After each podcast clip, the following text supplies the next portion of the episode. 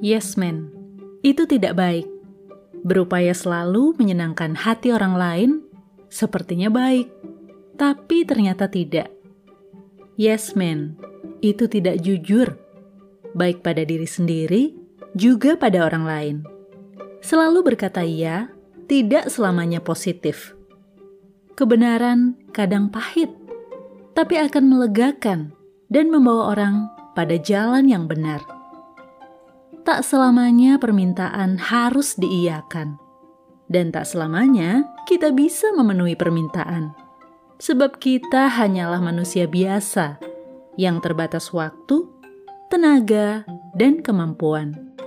Justru ketika kita mengiyakan, tapi kita pada akhirnya tidak dapat merealisasikan, kita akan mengecewakan kredibilitas kita yang dipertanyakan. Gak enakan itu merugikan diri sendiri.